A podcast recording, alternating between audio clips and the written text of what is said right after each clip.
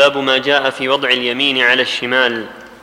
عن وائل بن حجر أنه رأى النبي صلى الله عليه وآله وسلم رفع يديه حين دخل في الصلاة وكبر ثم التحف بثوبه ثم وضع اليمنى على اليسرى فلما أراد أن يركع أخرج يديه ثم رفعهما وكبر فركع. فلما قال سمع الله لمن حمده رفع يديه ولما سجد سجد بين كفيه رواه أحمد ومسلم. وفي رواية لأحمد وأبي داود ثم يضع يده اليمنى على كفه اليسرى والرس والرسغ والساعد.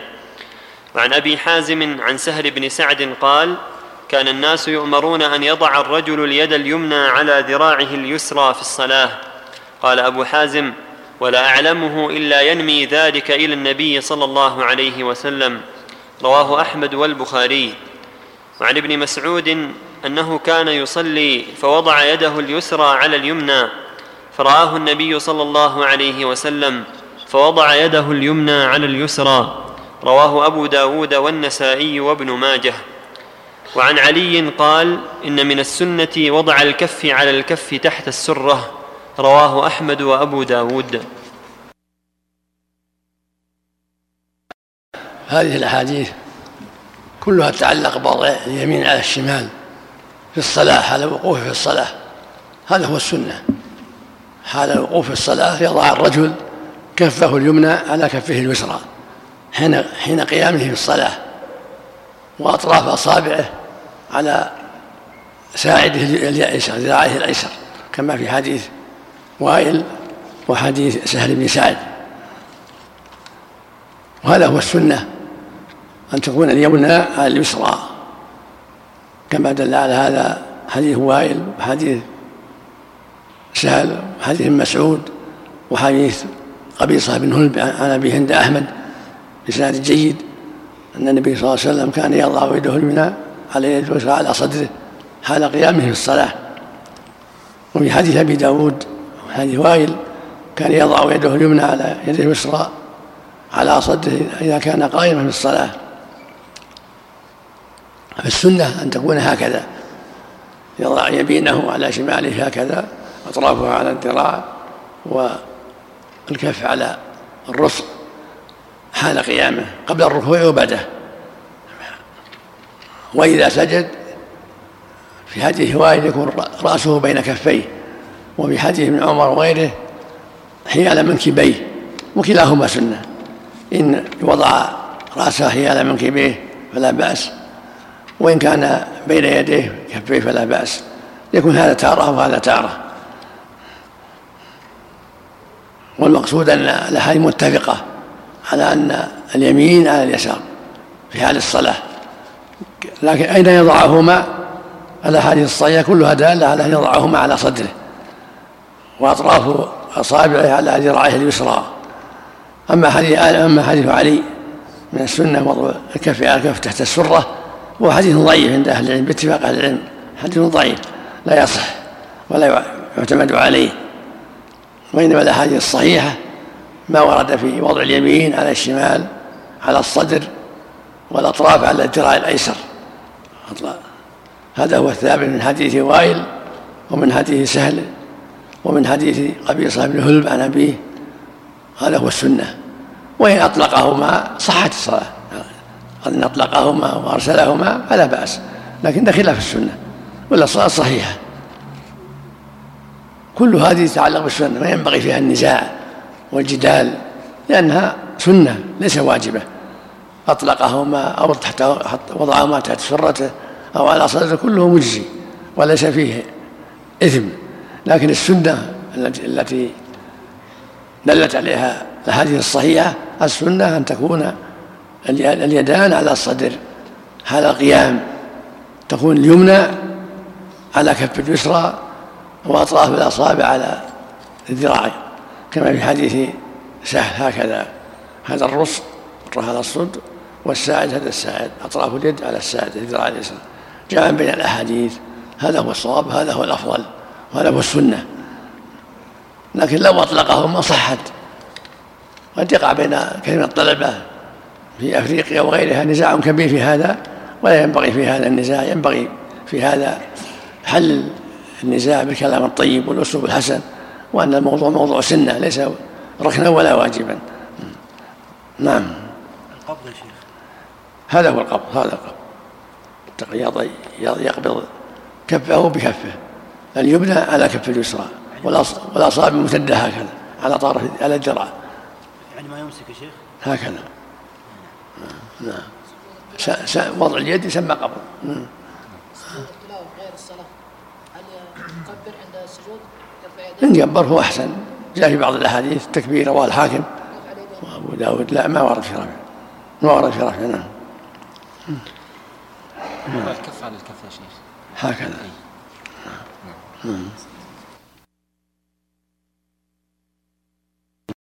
باب نظر المصلي إلى موضع سجوده والنهي عن رفع البصر في الصلاة. عن ابن سيرين أن النبي صلى الله عليه وآله وسلم كان يقلب بصره في السماء فنزلت هذه الآية الذين هم في صلاتهم خاشعون فطأطأ رأسه. رواه أحمد في كتاب الناسخ والمنسوخ وسعيد بن منصور في سننه بنحوه وزاد فيه. وكانوا يستحبون للرجل الا يجاوز بصره مصلاه وهو حديث مرسل. وعن أبي هريرة أن النبي صلى الله عليه وآله وسلم قال لينتهين أقوام يرفعون أبصارهم إلى السماء في الصلاة أو لتخطفن أبصارهم. رواه أحمد ومسلم والنسائي. وعن أنس رضي الله عنه عن النبي صلى الله عليه وآله وسلم قال ما بال أقوام يرفعون أبصارهم إلى السماء في صلاتهم فاشتد قوله في ذلك حتى قال لينتهن أو لتخطفن أبصارهم. رواه الجماعة إلا مسلما والترمذي. وعن عبد الله بن الزبير قال كان رسول الله صلى الله عليه وآله وسلم إذا جلس في التشهد وضع يده اليمنى على فخذه اليمنى ويده اليسرى على فخذه اليسرى وأشار بالسبابة ولم يجاوز بصره إشارته. رواه أحمد والنسائي وأبو داود. هذه الأحاديث الأربعة كلها تدل على شرعية النظر إلى موضع السجود وأن السنة أن يطرح المصلي بصره والا يرفعه إلى السماء. في أثر ابن سيرين أنهم كانوا يرفعون أبصارهم. في رواية يلتفتون يمينا وشمالا. حتى نزل قول نزل قوله تعالى قد أفلح المؤمنون الذين هم في صلاتهم خاشعون. فطرحوا أبصارهم وخشعوا. زاد الحاكم متصلا لهذا واصلا لهذا الحديث عن النبي صلى الله عليه وسلم. ويدل على المعنى حديث جابر بن سمرة حديث أنس في نهي النبي صلى الله عليه وسلم عن رفع الابصار إلى السماء وأنه والتوعد على ذلك وأنهم متوعدون بأنهم إن لم ينتهوا تخطف أبصارهم. لا ينتهين أقوام عن عن رفع الابصار السماء أو لا ترجع إليهم. وفي اللفظ الآخر شد قوله حتى قال لا ينتهن أو لا تخطفن ابصارهم فهذا يدل على أن السنة طرح البصر. في الصلاه نافله أو فريضه وأن ينظر إلى موضع سجوده. لأن هذا أخشع لقلبه وأجمع له. وأقرب إلى أداء الصلاة على وجهها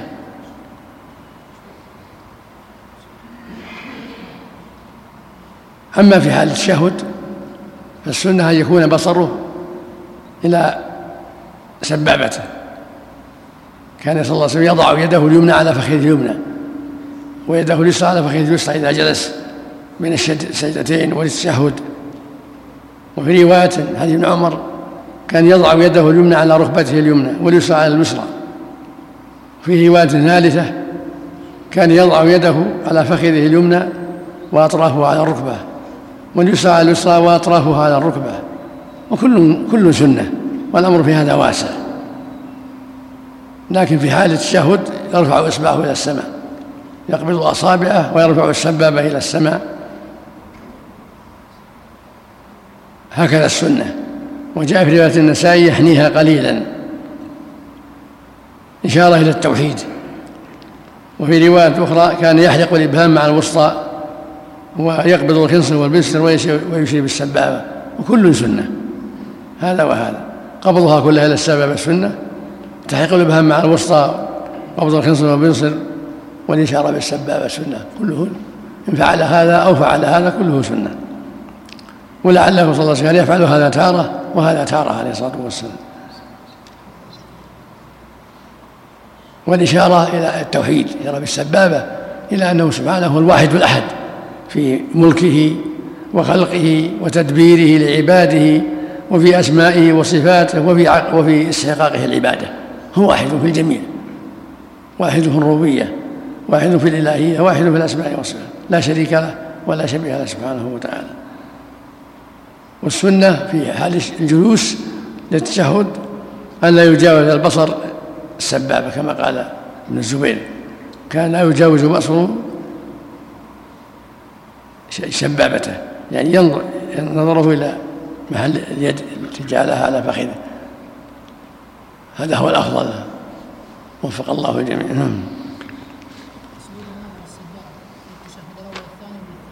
نعم. التشهدين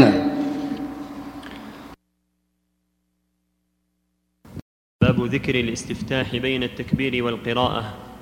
عن أبي هريرة رضي الله عنه قال كان رسول الله صلى الله عليه وآله وسلم إذا كبر في الصلاة سكت هنيهة قبل, قبل القراءة. فقلت يا رسول الله بأبي أنت وأمي أرأيت سكوتك بين التكبير والقراءة ما تقول؟ قال أقول اللهم باعد بيني وبين خطاياي كما باعدت بين المشرق والمغرب. اللهم نقني من خطاياي كما ينقى الثوب الأبيض من الدنس. اللهم اغسلني من خطاياي بالثلج والماء والبرد. رواه الجماعة إلا الترمذي. وعن علي بن أبي طالب رضي الله عنه قال كان النبي صلى الله عليه وآله وسلم إذا قام إلى الصلاة قال وجهت وجهي للذي فطر السماوات والأرض حنيفا مسلما وما أنا من المشركين. إن صلاتي ونسكي ومحياي ومماتي لله رب العالمين. لا شريك له وبذلك أمرت وأنا أول وأنا من المسلمين. اللهم أنت الملك لا إله إلا أنت أنت ربي وأنا عبدك. ظلمت نفسي واعترفت بذنبي فاغفر لي ذنوبي جميعا. لا يغفر الذنوب إلا أنت واهدني لأحسن الأخلاق لا يهدي لأحسنها إلا أنت واصرف عني سيئها لا يصرف عني سيئها إلا أنت لبيك وسعديك والخير كله في يديك والشر ليس إليك أنا بك وإليك تباركت وتعاليت أستغفرك وأتوب إليك. وإذا ركع قال اللهم لك ركعت وبك آمنت ولك أسلمت. خشع لك سمعي وبصري ومخي وعظمي وعصبي. وإذا رفع رأسه قال اللهم ربنا لك الحمد ملء السماوات وملء الأرض وملء ما بينهما وملء ما شئت, وملء ما شئت من شيء بعد. وإذا سجد قال اللهم لك سجدت وبك آمنت ولك أسلمت. سجد وجهي للذي خلقه وصوره وشق سمعه وبصره. فتبارك الله أحسن الخالقين. ثم يكون من آخر ما يقول بين التشهد والتسليم. اللهم اغفر لي ما قدمت وما أخرت وما أسررت وما أعلنت وما أسرفت وما أنت أعلم به مني. أنت المقدم وأنت المؤخر لا إله إلا أنت. رواه أحمد ومسلم والترمذي وصححه. وعن عائشة قالت كان النبي صلى الله عليه وآله وسلم إذا استفتح الصلاة قال سبحانك اللهم وبحمدك وتبارك اسمك وتعالى جدك ولا إله غيرك. رواه أبو داود. وللدار قطني مثل مثله من, من رواية أنس. وللخمسة مثله من حديث أبي سعيد. ولأبي داود. وللدار قطني مثله من رواية أنس. نعم. وللخمسة مثله من حديث أبي سعيد. وأخرج مسلم في صحيحه. أن عمر رضي الله عنه كان يجهر بهؤلاء الكلمات. يقول سبحانك اللهم وبحمدك وتبارك اسمك وتعالى جدك ولا إله غيرك. وروى سعيد في سننه عن أبي بكر الصديق رضي الله عنه أنه كان يستفتح بذلك. وكذلك رواه الدار قطني عن عثمان بن عفان وابن المنذر, عن عبد الله بن مسعود. وقال الأسود كان عمر رضي الله عنه إذا افتتح الصلاة قال سبحانك اللهم وبحمدك وتبارك اسمك وتعالى جدك ولا إله غيرك يسمعنا ذلك ويعلمنا. رواه الدار قطني. واختيار هؤلاء لهذا الاستفتاح وجهر عمر به أحيانا بمحضر, بمحضر من الصحابة ليتعلمه الناس مع أن السنة إخفاؤه يدل على أنه الأفضل وأنه الذي كان النبي صلى الله عليه وآله وسلم يداوم عليه غالبا وإن استفتح بما رواه علي رضي الله عنه وأبو هريرة رضي الله عنه فحسن لصحة الرواية به. هذه الأحاديث كلها تتعلق بالاستفتاح وهو الذكر الذي يقال بعد تكبيرة الإحرام يقال له استفتاح لأنه يفتح به الصلاة ولهذا قيل له دعاء الاستفتاح. وهو ما يقال بعد التكبيرة الأولى وقبل القراءة. وقد جاء النبي صلى الله عليه وسلم في ذلك أنواع كلها صحيحة. ذكر المؤلف بعضها. ومن أصحها حديث أبي هريرة عن النبي صلى الله عليه وسلم قال يا رسول الله أرأيت سكوتك بين التكبير والقراءة؟ ما تقول. بأبي أنت وأمي يعني أفتيك بأبي وأمي. قال أقول اللهم باعد بيني وبين خطاياي كما باعدت بين المشرق والمغرب. اللهم نقني من خطاياي كما ينقى الثوب الأبيض من الناس. اللهم اغسلني من خطاياي بالماء والثلج والبرد. هذا كان يقوله في الفريضة لأن أبا هريرة شاهده في صلوات الفرض. وهو من من الدعاء من الدعاء المختصر. هو سنة. قبل أن يقرأ في أول ركعة بعد التكبير. اللهم باعد بيني وبين خطاياي كما باعدت بين المشرق والمغرب. اللهم نقني من خطاياي كما ينقى الثوب الأبيض من الدنس اللهم اغسلني من خطاياي بالثلج والماء والبرد. هل اصحها في الصحيحين. وجاء أيضا في الصحيحين عن ابن عباس استفتاح طويل في صلاة الليل. اللهم لك الحمد أنت قيم السماوات ومن فيهن ولك الحمد أنت ملك السماوات ومن فيهن ولك الحمد أنت نور السماوات ومن فيهن ولك الحمد أنت الحق ووعدك الحق وقولك الحق ولقاؤك حق والجنة حق والنار حق والساعة حق والنبيون حق ومحمد حق. اللهم لك أسلمت وبك آمنت وعليك توكلت وإليك أنبت وبك خاصمت وإليك حاكمت. فاغفر لي ما قدمت وما أخرت وما أسررت وما أعلنت. وما أنت أعلم مني أنت المقدم وأنت المؤخر. لا إله إلا أنت ولا حول ولا قوة إلا بك. وهذا دعاء عظيم وطويل في التهجد بالليل. ومن الاستفتاحات المختصرة التي كان يقولها في الفريضة عليه الصلاة والسلام ما رواه أبو سعيد وعائشة وعمر وآخرون. سبحانك اللهم وبحمدك وتبارك اسمك وتعالى جدك ولا إله غيرك هذا أخسرها. كله ثناء على الله. مختصر وكله ثناء على الله وتعظيم الله جل وعلا.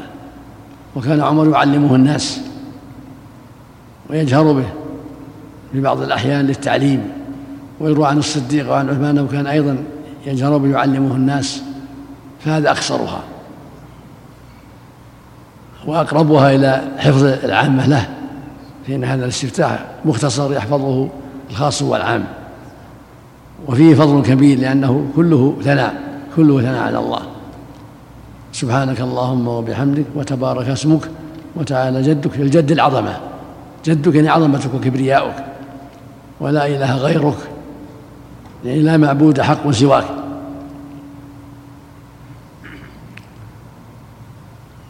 ومن الاستفتاحات أيضا الشرعية ما رواه علي رضي الله عنه هنا علي بن أبي طالب أمير المؤمنين. وجهت وجه وجهت وجه الذي فطر الصلاة. حنيفا وما مشين إن صلاتي ونسكي ومحياي ومماتي لله لا شريك له. وبذلك أمرت وأنا من المسلمين. في الروايه الأخرى وأنا أول المسلمين. اللهم أنت ربي لا إله إلا أنت. ظلمت نفسي واعترفت ذنبي فاغفر لي ذنوبي جميعا. إنه لا إله إلا أنت. واهدني لأحسن الأخلاق. لا يهدي لاحسنها الا انت واصرف عني سيئها. لا يصرف عني سيئها إلا أنت. لبيك وسعديك والخير كله في يديك والشر ليس إليك أنا بك وإليك تباركت وتعاليت أستغفرك وأتوب إليك. ويروى أنه كان يقول هذا في الليل في صلاة الليل. وهو دعاء عظيم واستفتاح عظيم أيضا. ومن ذلك ما روته عائشة في الصحيح أنه كان يستفتح في صلاة الليل. اللهم رب جبريل وميكائيل وإسرافيل فاطر السماوات والغيب والشهادة. أنت تحكم بين عبادك فيما كانوا فيه يختلفون. اهدني لما اختلف فيه من الحق بإذنك إنك تهدي من تشاء إلى صراط مستقيم. وهذا دعاء مختصر كان النبي يستفتح به في صلاة الليل يعني في بعض الأحيان. فهذه الاستفتاحات كلها حق.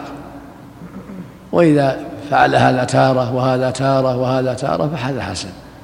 إلا الدعاء الاستفتاح الطويل هذا في الفريضة.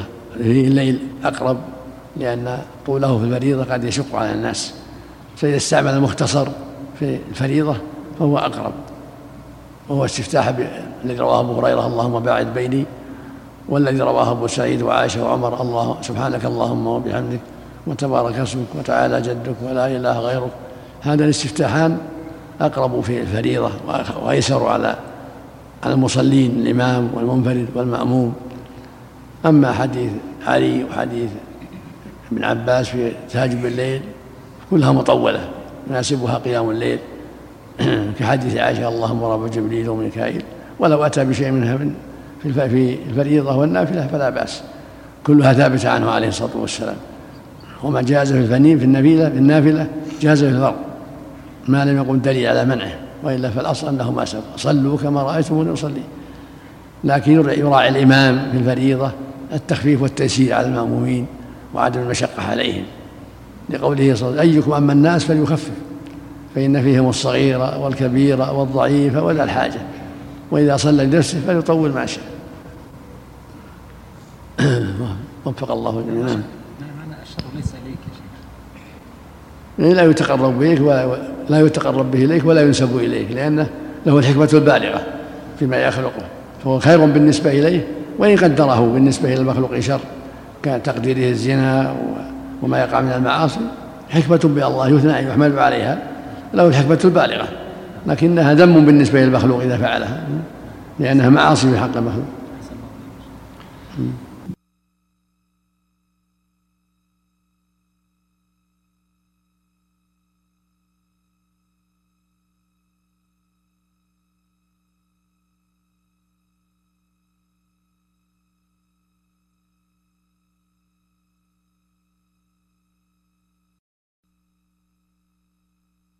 قال المؤلف رحمه الله تعالى باب التعوذ للقراءة.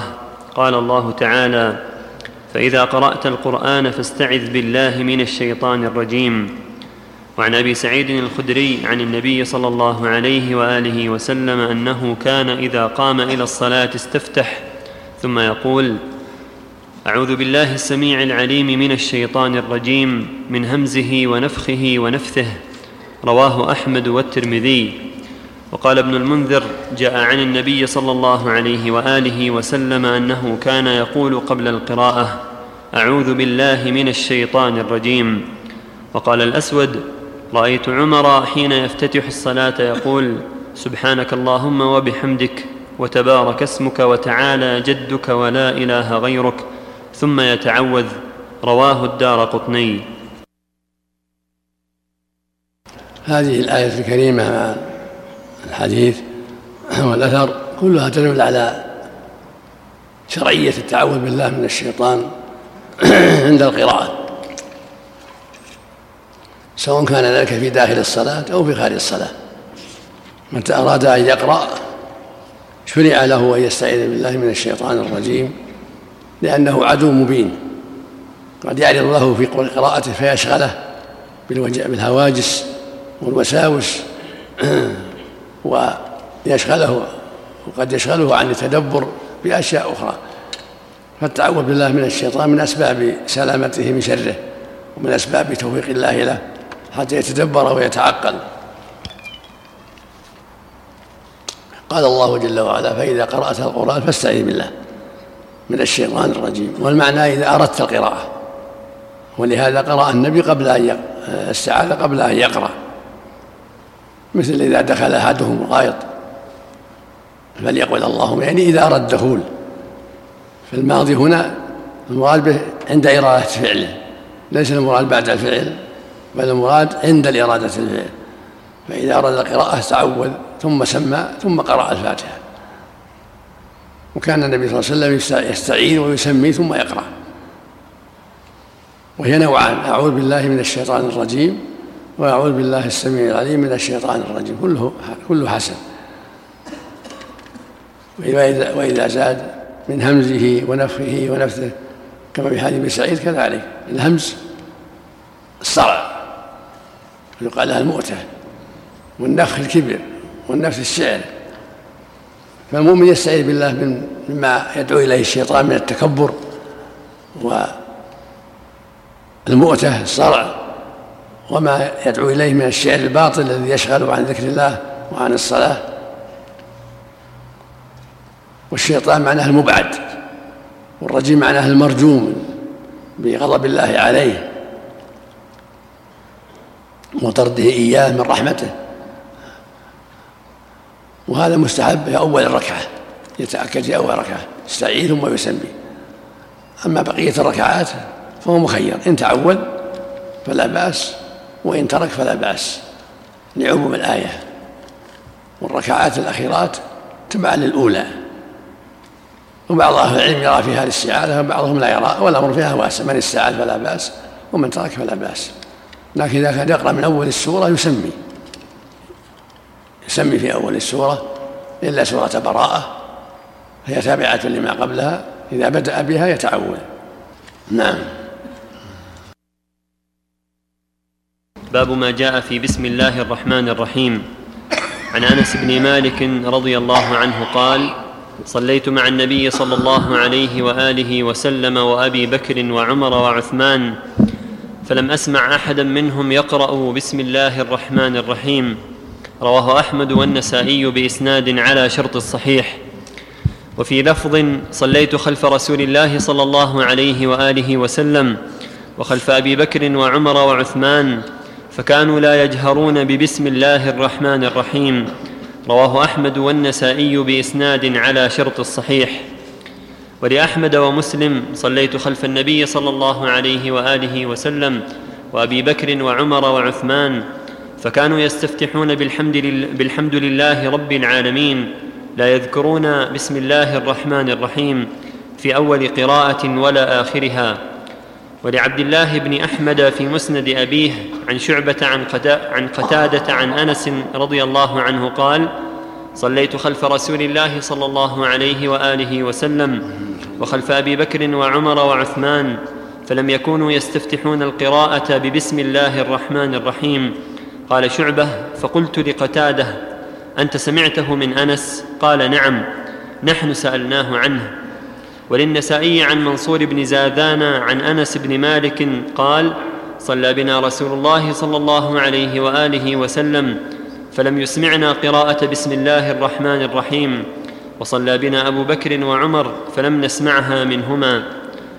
وعن ابن عبد الله بن مغفر قال سمعني أبي وأنا أقول بسم الله الرحمن الرحيم فقال يا بني إياك والحدث قال ولم أر من أصحاب رسول الله صلى الله عليه وآله وسلم رجلا كان أبغض إليه حدثا في الإسلام منه.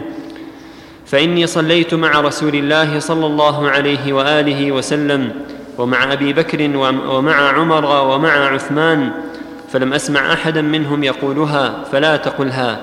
إذا أنت قرأت فقل الحمد لله رب العالمين. رواه الخمسة إلا أبا داود. ومعنى قوله لا تقلها وقوله لا يقرؤونها أو لا يذكرونها أو لا يستفتحون بها أي جهرا بدليل قوله في رواية تقدمت لا يجهرون بها. وذلك يدل على قراءتهم لها سرا. وعن قتادة قال سئل أنس كيف كانت قراءة النبي صلى الله عليه وآله وسلم؟ فقال كانت مدا. ثم قرأ بسم الله الرحمن الرحيم. يمد ببسم الله ويمد بالرحمن ويمد بالرحيم. رواه البخاري. رواه. رواه. رواه البخاري. نعم. وروى ابن جريج عن عبد الله بن أبي مليكة عن أم سلمة أنها سئلت عن قراءة رسول الله صلى الله عليه وآله وسلم. وروى وروى ابن جريج عن عبد الله بن أبي مليكة عن أم سلمة أنها سئلت عن قراءة رسول الله صلى الله عليه وآله وسلم فقالت كان يقطع قراءته آية آية. بسم الله الرحمن الرحيم. الحمد لله رب العالمين. الرحمن الرحيم. مالك يوم الدين. رواه أحمد وأبو داود. هذه الأحاديث كلها تدل على أن السنة عدم الجهر بالتسميه كما أن السنة عدم الجهر بالاستعاذة كما تقدم لأن الرسول صلى الله عليه وسلم ما كان يجهر في قراءته بسم الله الرحمن الرحيم ولا بالاستعاذة كما تقدم وإنما يبدأ بالفاتحة. ولا ولا حديث هذا كثيرة منها حديث أنس برواياته حديث عبد الله بن المغفل وحديث عائشة أيضا كان يستفتح القراءة بالحمد لله رب العالمين وحديث المسي في صلاته. ثم اقرأ بما تيسر معك من القرآن اللفظ الآخر ثم اقرأ بأم القرآن إلى غيرها من الأحاديث. كلها دالة على أن السنة الإسرار بالبسملة في الجهرية في الظهر في المغرب والعشاء والفجر يسر بها وبالاستعاذة يتعوذ بالله من الشيطان الرجيم ويسمي ثم يبدأ بالفاتحة جهرا. أما التعوذ والبسملة فالسنة الإخفاف إلا إذا أظهر بعض الأحيان جهر بها بعض الأحيان للتعليم فلا بأس كما فعل عمر وغيره للتعليم. وكما روى أبو هريرة كان يجهر للتعليم. وإلا فالسنة للقارئ في الصلاة أن يسر بالتعول وبالتسمية ويبدأ بقوله الحمد لله رب العالمين. وفي حديث أنس وأم سلمة دلالة على أن السنة ترتيل والوقوف على رؤوس الآية. قال الله تعالى ورتل القرآن ترتيلا فالسنة تقطيع الآيات يعني الوقوف على رؤوس الآية لأن هذا أبلغ في التدبر وأبلغ في إفادة المستمع. بسم الله الرحمن الرحيم يعني تكون واضحة. الحمد لله رب العالمين الرحمن الرحيم مالك يوم الدين. يقف على رؤوس الآية لأن هذا أبلغ في التدبر والتعقل وأكمل في إفادة المستمعين. وإن وصل في بعض الأحيان فلا بأس لكن التدبر لكن الوقوف على رؤوس الآية أكمل وأفضل. وهو مطابق لقوله جل وعلا ورتل القرآن ترتيلا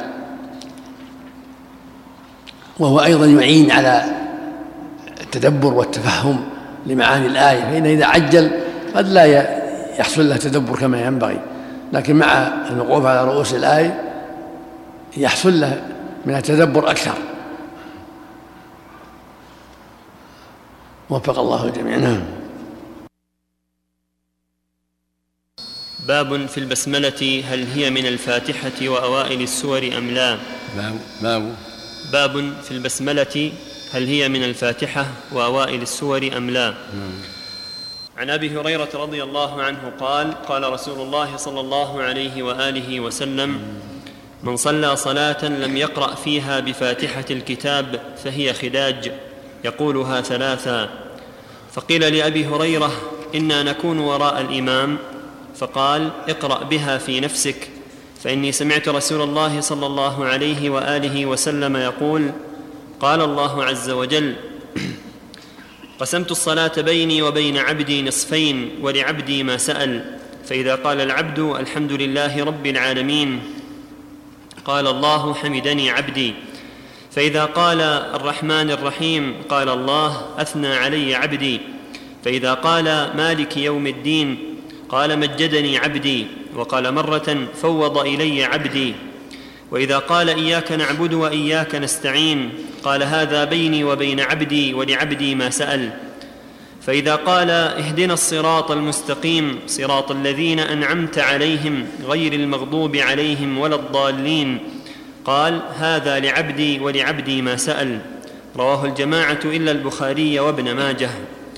وعن أبي هريرة وعن أبي هريرة رضي الله عنه عن النبي صلى الله عليه وآله وسلم أنه قال إن سورة من القرآن ثلاثون آية شفعت لرجل حتى غفر له وهي تبارك الذي بيده الملك.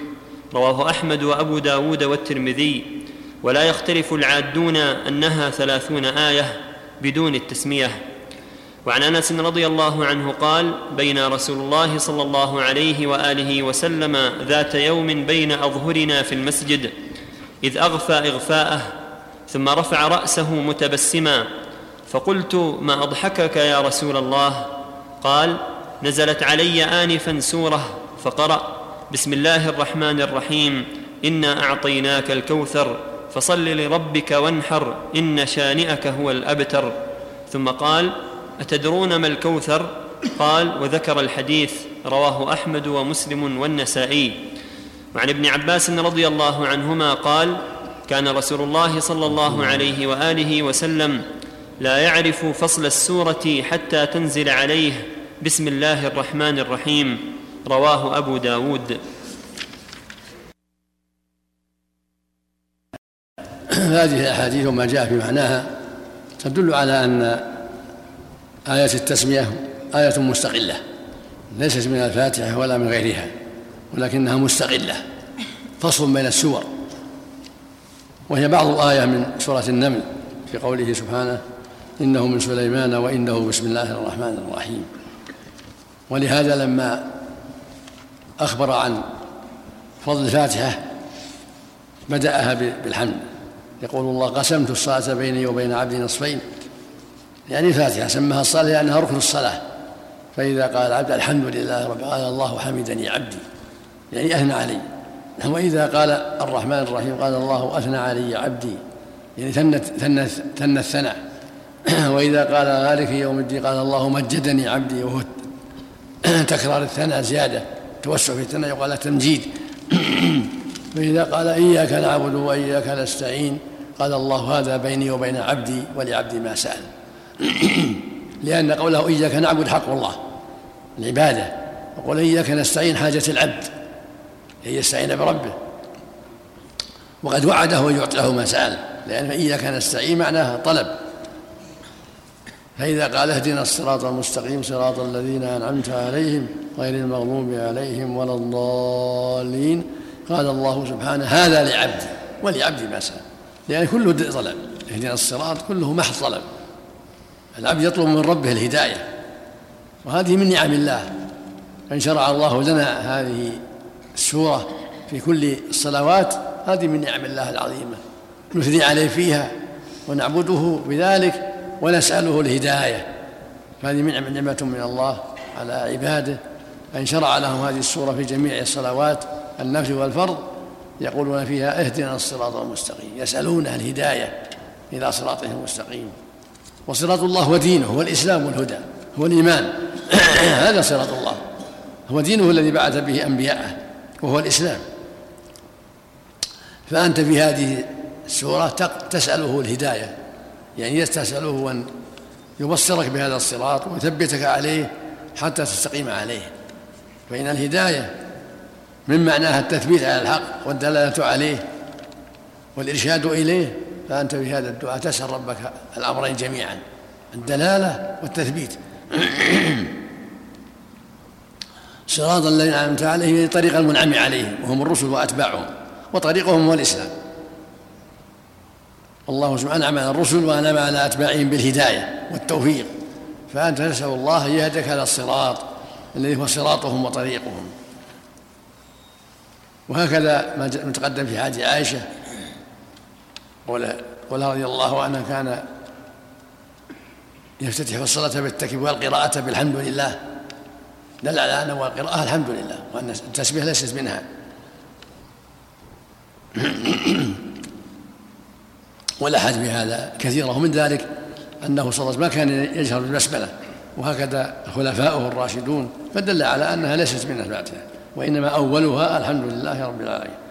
أما التسمية فيه فصل بسمة كان يعرف الفصل بين السورة والسورة إذا نزلت آية التسمية ومن هذا أنه أوحي إليه سورة عظيمة وهي سورة الكوثر فقال في أولها بسم الله الرحمن الرحيم.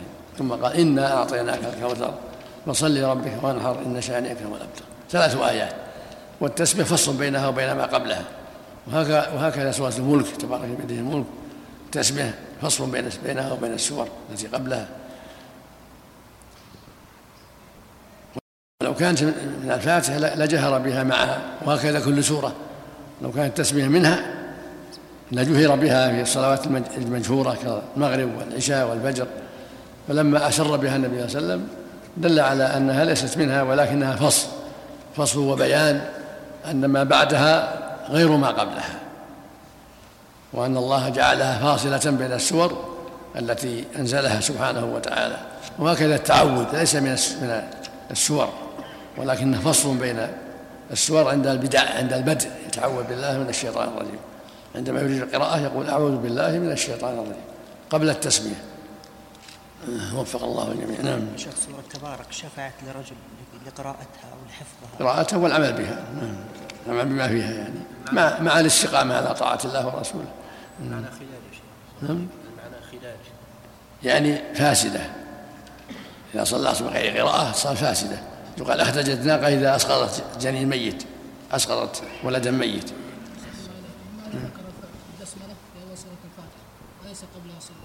نعم. فصل نعم. نعم. هي علامة أنها سورة مستقلة. علامة أنها مستقلة سورة. نعم. باب وجوب قراءة الفاتحة. عن عبادة بن الصامت رضي الله عنه أن النبي صلى الله عليه وآله وسلم قال لا صلاة لمن لم يقرأ بفاتحة الكتاب. رواه الجماعة. وفي لفظ لا تجزئ صلاة لمن لم يقرأ بفاتحة الكتاب. رواه الدار قطني وقال إسناد صحيح. وعن عائشة رضي الله عنها قالت سمعت رسول الله صلى الله عليه وآله وسلم يقول من صلى صلاة لم يقرأ فيها بأم القرآن فهي خداج رواه أحمد وابن ماجه. وقد سبق مثله من رواية أبي هريرة رضي الله عنه. وعن أبي هريرة رضي الله عنه أن النبي صلى الله عليه وآله وسلم أمره أن يخرج فينادي لا صلاة إلا بقراءة فاتحة الكتاب فما زاد. رواه أحمد وأبو داود. هذه الأحاديث وما جاء في معناها تدل على وجوب قراءة الفاتحة وأنه يجب على المأموم والإمام والمنفرد أن يقرأ الفاتحة وأنها ركن الصلاة. ولهذا قال صلى الله عليه وسلم لا صلاة لمن لم يقرأ بفاتحة الكتاب. وهذا نفي لصحتها. ولهذا في اللفظ لا تجزئ صلاة لا يقرأ فيها بأم الكتاب. واللفظ الآخر من صلى من صلى صلاة لم يقرأ فيها بالكتاب فهي خداج. وفي لفظ أبي هريرة فهي خداج فهي خداج غير تمام رواه مسلم. في حديث عائشة وأبي هريرة كلاهما يدلان على أن الصلاة التي ليس فيها قراءة بالفاتحة فيها خداج يعني ناقصة غير تامة.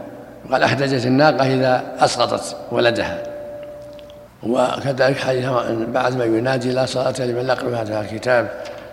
كل هذا يدل على وجوب قراءة الفاتحة. لكن اختلف العلماء في المأموم هل تجب عليه أم لا على قولين ويأتي الكلام على ذلك. وأن الصواب أنها تجب عليه. المأموم تعمه الأحاديث. لكنه ليس من جنس الإمام المنفرد بل هو أخف. ولهذا تسقط عنه لو جاء والإمام راكع أجزأت أجزأت الركعة. أو نسي أو جهل أجزأته الركعة. لأنه تابع. خلاف الإمام والمنفرد فإنه لا تجزئه إلا بفاتحة الكتاب. نعم. أعظم الله لكم الأجر. يقول هل يجوز تأخير السنن الرواتب إلى آخر الليل؟ السنة البدار بها قبل نصف الليل سنة العشاء. وإن أخرها فلا بأس لأن ما بعد النصف وقت ضرورة إلى طلوع الفجر. لكن أفضل البدار بها بعد صلاة العشاء قبل نصف الليل هذا هو الأفضل في وقت الاختيار. نعم. أحسن الله إليكم. يقول في قول الرسول صلى الله عليه وسلم لا يرد القدر إلا الدعاء ولا يزيد في العمر إلا البر فكيف يرد القدر وكيف يؤخر الله فيزيد العمر؟ والله يقول ولن يؤخر الله نفسا إذا جاء أجلها. لا منافاة بين هذا وهذا. البر من يزيد العمر وصلة من أحب أن يسعى له في أجله. ويبسط الله في رزقه فليصل رحمه. فالدعاء من أسباب رد القدر المعلق وصلة الرحم والبر من أسباب زيادة العمر المعلقة. فإن القدر قدران قدر معلق وقدر ناجز غير معلق. فالمعلق لا حيلة فيه فالناجز لا حيلة فيه. كالموت المحدد ونحو ذلك. أما المعلق فهذا معلق على أسبابه. فقد يعلق الله سبحانه بسط الرزق طول الأجل على بسط الرزق وعلى البر. فيكون زاد في عمره بما قدره من أنه يبر والديه ويبسط ويصل رحمه وأن هذا القدر يرده الدعاء. فهو يصيبه كذا وكذا إلا إذا دعا بكذا. قد قدر الله أنه يدعو فزال هذا قدر معلق بالدعاء. فالقدر المعلق هو الذي ينفع فيه بسط الرزق وينفع فيه البر وينفع فيه الدعاء. أما المحتم الذي غير معلق هذا يقع في وقته ولا يرده شيء ولن يؤخر الله أمر نفسه إذا جاء أجلها. فأجلها إذا جاء المعلق وغير المعلق انتهى. باب ما جاء في قراءة المأموم وإنصاته إذا سمع إمامه. عن أبي هريرة رضي الله عنه أن رسول الله صلى الله عليه وآله وسلم قال إنما جعل الإمام ليؤتم به فإذا كبر فكبروا وإذا قرأ فأنصتوا. رواه الخمسة إلا الترمذي وقال مسلم هو صحيح. وعن أبي هريرة رضي الله عنه أن رسول الله صلى الله عليه وآله وسلم انصرف من صلاة جهر فيها بالقراءة فقال هل قرأ معي أحد منكم آنفا؟ فقال رجل نعم يا رسول الله. قال فإني أقول ما لي أنازع القرآن. قال فانتهى الناس عن القراءة مع رسول الله صلى الله عليه وسلم فيما يجهر فيه رسول الله صلى الله عليه وآله وسلم من الصلوات بالقراءة. حين سمعوا ذلك من رسول الله صلى الله عليه وآله وسلم. إذا ولا إذ. حين سمعوا ذلك من رسول الله. عندك ألف. إذا ولا إذ. حين سمعوا ذلك من رسول الله صلى الله عليه نعم. وآله وسلم. يعني حين سمعوا نعم نعم. نعم. رواه أبو داود والنسائي والترمذي وقال حديث حسن.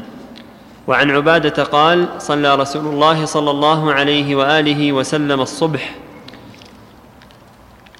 فثقلت عليه القراءة فلما انصرف قال إني أراكم تقرؤون وراء إمامكم. قال قلنا يا رسول الله إي والله. قال لا تفعلوا إلا بأم القرآن فإنه لا صلاة لمن لم يقرأ بها. رواه أبو داود والترمذي والبخاري في جزء القراءة وصححه وله شواهد عند أحمد وابن حبان. وفي لفظ فلا تقرأوا بشيء من القرآن إذا جهرت به إلا بأم القرآن. رواه أبو داود والنسائي والدار قطني. وقال كلهم ثقات. وعن عبادة أن النبي صلى الله عليه وآله وسلم قال لا يقرأن أحد منكم شيئا من القرآن إذا جهرت بالقراءة إلا بأم القرآن. رواه الدار قطني. وقال رجاله كلهم ثقات. وروى عبد الله بن شداد أن النبي صلى الله عليه وآله وسلم قال من كان له إمام فقراءة الإمام له قراءة. رواه الدار قطني. وقد روي مسندا من طرق كلها ضعاف والصحيح أنه مرسل. وعن عمران بن حصين أن, أن النبي صلى الله عليه وآله وسلم صلى الظهر فجعل رجل يقرأ خلفه سبح اسم ربك الأعلى فلما انصرف قال أيكم قرأ أو أيكم القارئ؟ قال رجل أنا. فقال لقد ظننت أن بعضكم خال جنيها. متفق عليه.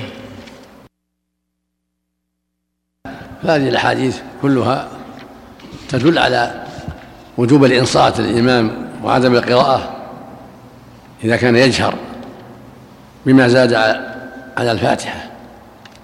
ولهذا قال صلى الله عليه وسلم إذا كبر الإمام فكبروا وإذا قرأ فأنصتوا. وقال إنما جعل المؤتم به فلا تختلفوا عليه. والله يقول في كتابه العظيم وإذا قرئ القرآن فاستمعوا له وأنصتوا. قال أحمد رحمه الله أجمع الناس على أنها في الصلاة. المقصود أن الواجب على المأموم الإنصات لإمامه وعدم القراءة فيما جهر فيه الإمام إلا بفاتحة الكتاب. ولهذا أنكر عليهم غير مرة عليه الصلاة والسلام. قال ما لي أنازع القرآن. فالواجب على المأموم الحذر من ذلك وأن ينصت لإمامه في الفجر والأولى والثانية من المغرب والعشاء وألا يزيد على الفاتحة. أما الفاتحة فلا بد منها. لقوله صلى الله عليه وسلم لعلكم تقرؤون خلف الإمام. قلنا نعم قال لا تفعلوا إلا بفاتحة الكتاب فإنه لا صلاة لمن لم يقرأ بها. تقدم قول الصلاة تجزئ صلاة بغير فاتحة الكتاب. أما حديث من كان له إمام فقراءته له قراءة فهو حديث ضعيف كما قال المؤلف. له طرق كلها ضعيفة ولو صح لم يكن في حجة لمن أسقط الفاتحة عن المأموم. لو صح لكان محمولا على ما زاد على الفاتحة. لو صح قوله من كان من كان له إمام فقراءته له قراءة لو صح وجب حمله على ما عدا الفاتحة. ويكون حديث الفاتحة تخصصه لكن مع ذلك هو ضعيف. والأحاديث الصحيحة كلها دالة على وجوب قراءة الفاتحة على المأموم في السرية والجهرية. لكن في السرية يقرأ ويزيد على الفاتحة لا بأس. أما في الجهرية فلا يزيد عليها. نعم. يقرأ لا يسمع. هنا إنصات. يقرأ الفاتحة وزيادة. مثل مثل السرية.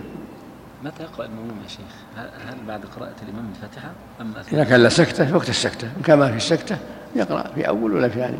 المقصود يقرأ. لا يفوت القراءة بس سواء مع مع في الفاتحة ولا مع فيما بعده. باب التأمين والجهر به مع القراءة. باب باب التأمين والجهر به مع القراءة. نعم.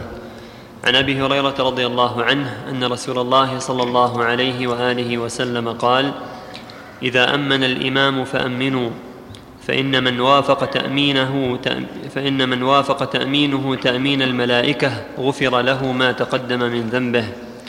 وقال ابن شهاب كان رسول الله صلى الله عليه وآله وسلم يقول آمين.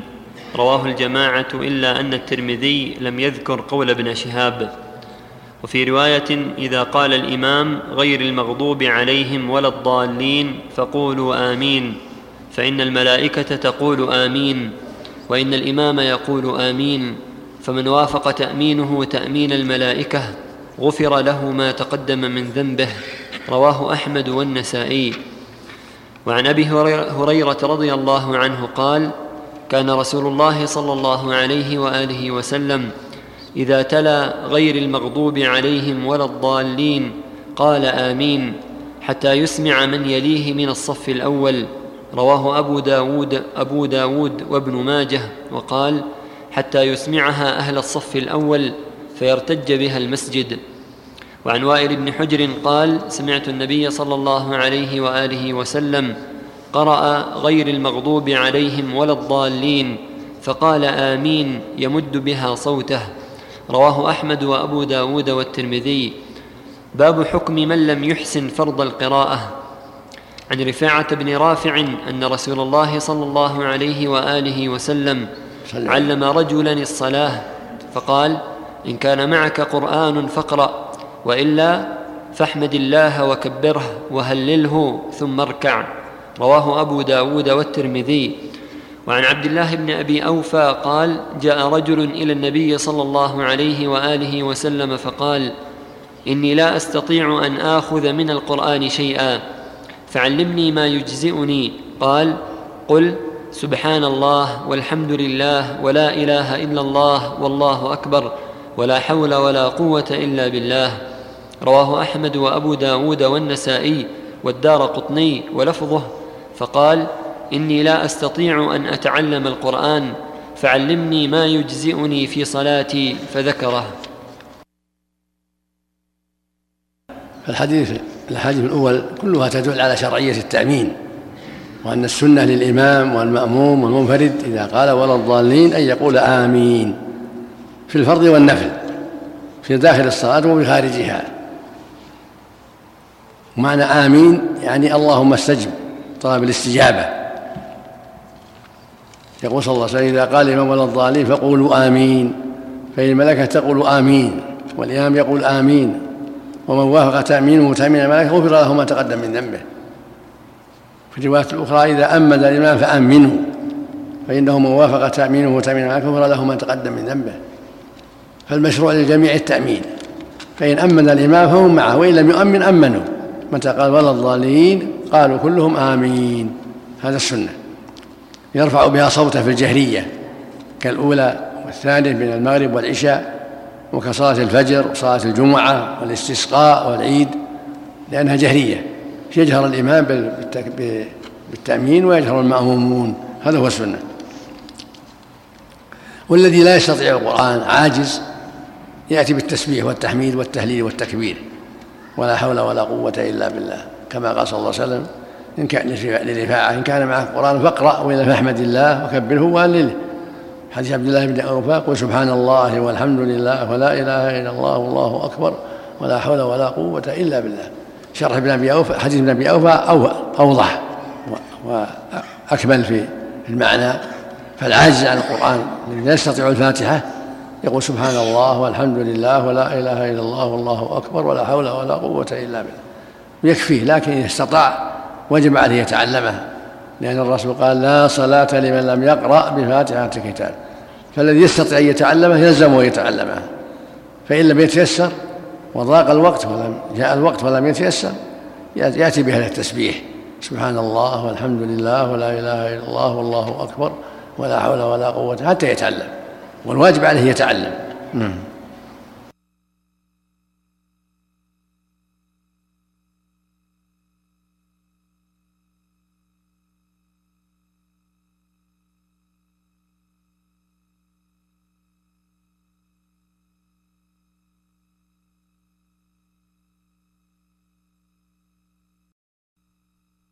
باب قراءة السورة بعد الفاتحة في الأوليين وهل تسن قراءتها في الأخريين أم لا؟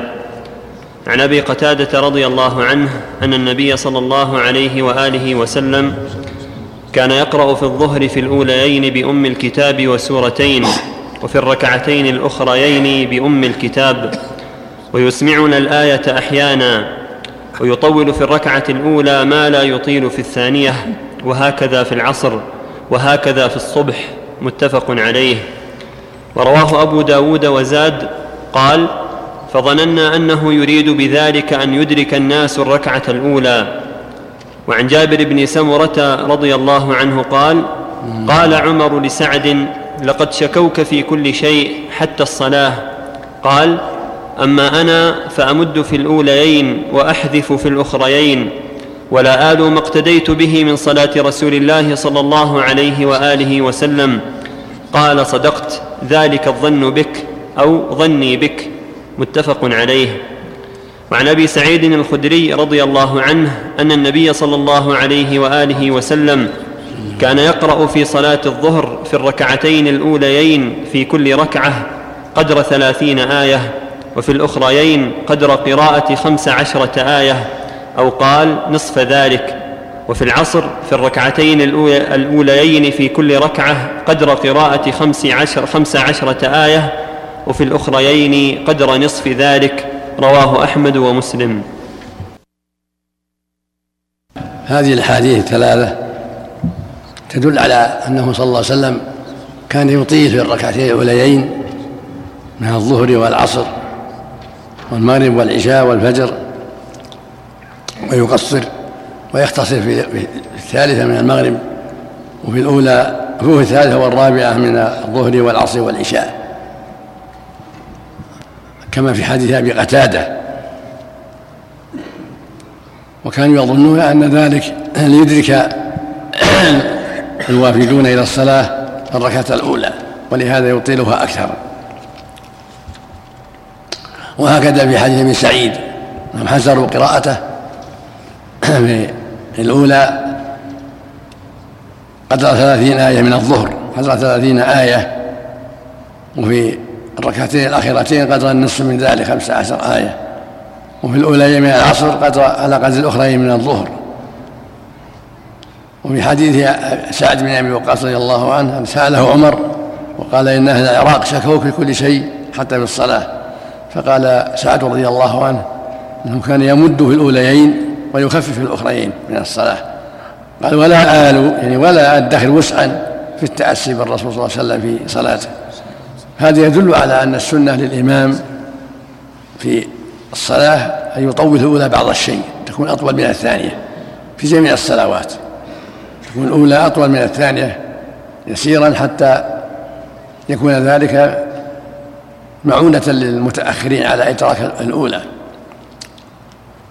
وأن السنة في صلاة الظهر أن يقرأ فيها قدر ثلاثين آية كما في حديث سنة أبي يسار كان يطول في الظهر ويخفف العصر. في السنة أن تكون العصر أخف من الظهر وأن تكون القراءة في العصر على النصف من الظهر. وأن الظهر يطول فيها قدر ثلاثين آية وما يقاربها مثل سورة تبارك ومن سورة ما, ما هو دون ذلك كالحاقة وسأل وما أشبه ذلك. وفي الأولين من العصر أخف من ذلك. وفي الأخرين فاتحة الكتاب يقرأ الفاتحة. في الأخرين الثالثة والرابعة يقرأ بفاتحة الكتاب. هذا هو الغالب من فعله صلى الله عليه وسلم كما صح به حديث أبي قتادة في الصحيحين. يقرأ في الثالثة والرابعة بفاتحة الكتاب. وربما قرأ في الثالثة والرابعة بزيادة على فاتحة الكتاب في الظهر خاصة كما في حديث سعيد. أنه يقرأ في الأخرين على قدر خمسة عشر آية. معناه أنه قد يزيد في الثالثة والرابعة من الظهر بعض الشيء على الفاتحة. لكن الأغلب أنه يقتصر على الفاتحة في الثالثة والرابعة في الظهر كما يقتصر عليها في العصر وغيرها. العصر والمغرب العشاء. فالسنة أن يقرأ مع الفاتحة زيادة سورة في الأولى والثانية. وأما في الثالثة والرابعة فالاقتصار على الفاتحة إلا في الظهر بعض الأحيان فربما زاد في الثالثة والرابعة في الظهر خاصة بعض الشيء على الفاتحة لحديث أبي سعيد.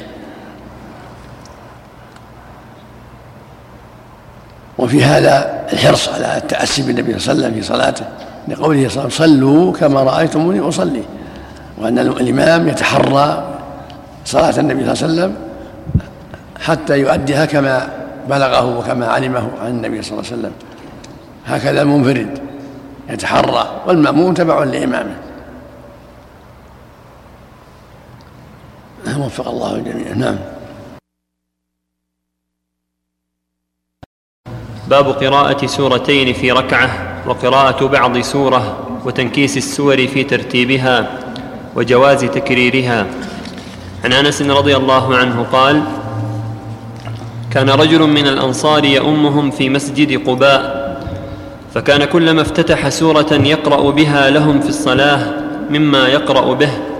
افتتح بقل هو الله أحد حتى يفرغ منها ثم يقرأ سورة أخرى معها فكان يصنع ذلك في كل ركعة. فلما أتاهم النبي صلى الله عليه وسلم أخبروه الخبر فقال وما يحملك على لزوم هذه السورة في كل ركعة؟ قال إني أحبها. قال حبك إياها أدخلك الجنة. رواه الترمذي وأخرجه البخاري تعليقا. وعن حذيفة رضي الله عنه قال صليت مع النبي صلى الله عليه وآله وسلم ذات ليلة. فافتتح البقرة فقلت يركع عند المئة. ثم مضى فقلت يصلي بها في ركعة. فمضى فقلت يركع بها. فمضى ثم افتتح النساء فقرأها.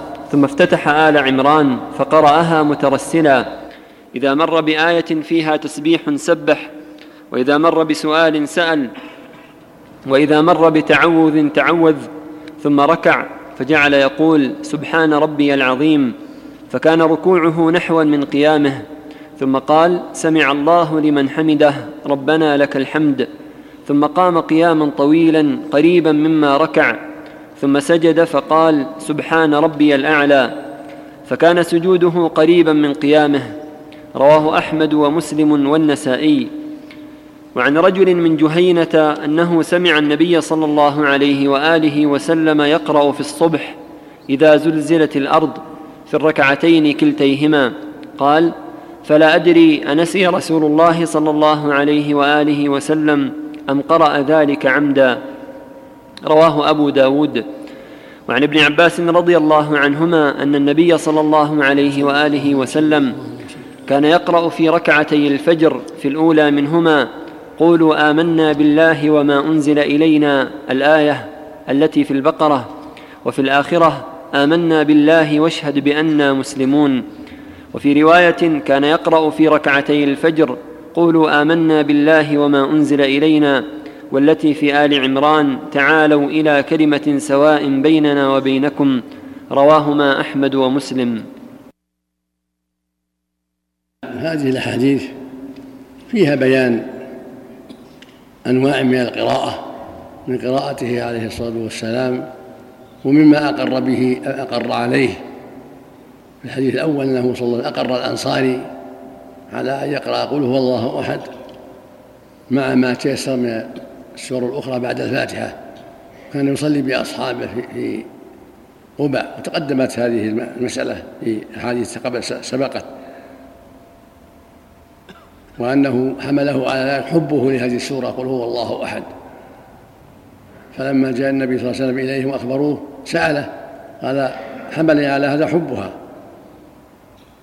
قال حبك إياها أدخلك الجنة. في الآخر أخبروه أن الله يحبه. وأصله في الصحيحين. وهذا يدل على أنه لا بأس أن يقرأ بعد الفاتحة سورتين أو أكثر كما يدل عليه قراءته في الليل بالبقرة والنساء وآل عمران. يدل على أن لا بأس أن يقرأ أكثر من سورة في ركعة واحدة.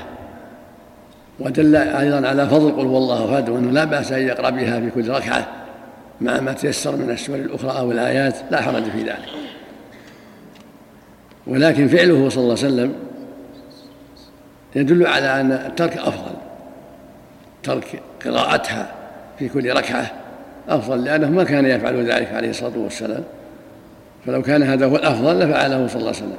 لكن كونه أقر الصحابي وأثنى عليه يدل على أن هذا لا بأس به ولا حرج فيه إذا فعله الإنسان بعض الأحيان أو دائما لا حرج في ذلك لأن الرسول أقره عليه الصلاة والسلام. وفي قراءته بالزلزلة في ركعتين يدل على جواز قراءة السورة أو الآيات مكررة في الركعتين من يقرأ في الأولى. تبارك بيده الملك في الفجر ويكررها في الثانية. يقرأ بالتحريم ويكررها في الثانية. يقرأ عما ويكررها في الثانية. لا بأس. لأنه صلى الله عليه وسلم صلى ذات مرة بالزلزلة. بعد الفاتحة كررها في الركعتين. فدل على الجواز وأنه لا حرج في ذلك. لكن الغالب من فعله صلى الله عليه وسلم أنه كان يقرأ في الثانية غير ما قرأ في الأولى. هذا هو الغالب من فعله صلى وهذا هو الأفضل أن يقرأ في الثانية غير ما قرأ في الأولى زيادة في الفائدة وزيادة في نفع المستمعين. وفيه من الفوائد أن الإنسان في تهجده بالليل يستحب له أن يطيل القراءة ويتدبر ويتعقل ويقف عند آية الرحمة يسأل وعند آية التسبيح يسبح وعند آية الوعيد يتعوذ تأسيا من النبي صلى الله عليه وسلم.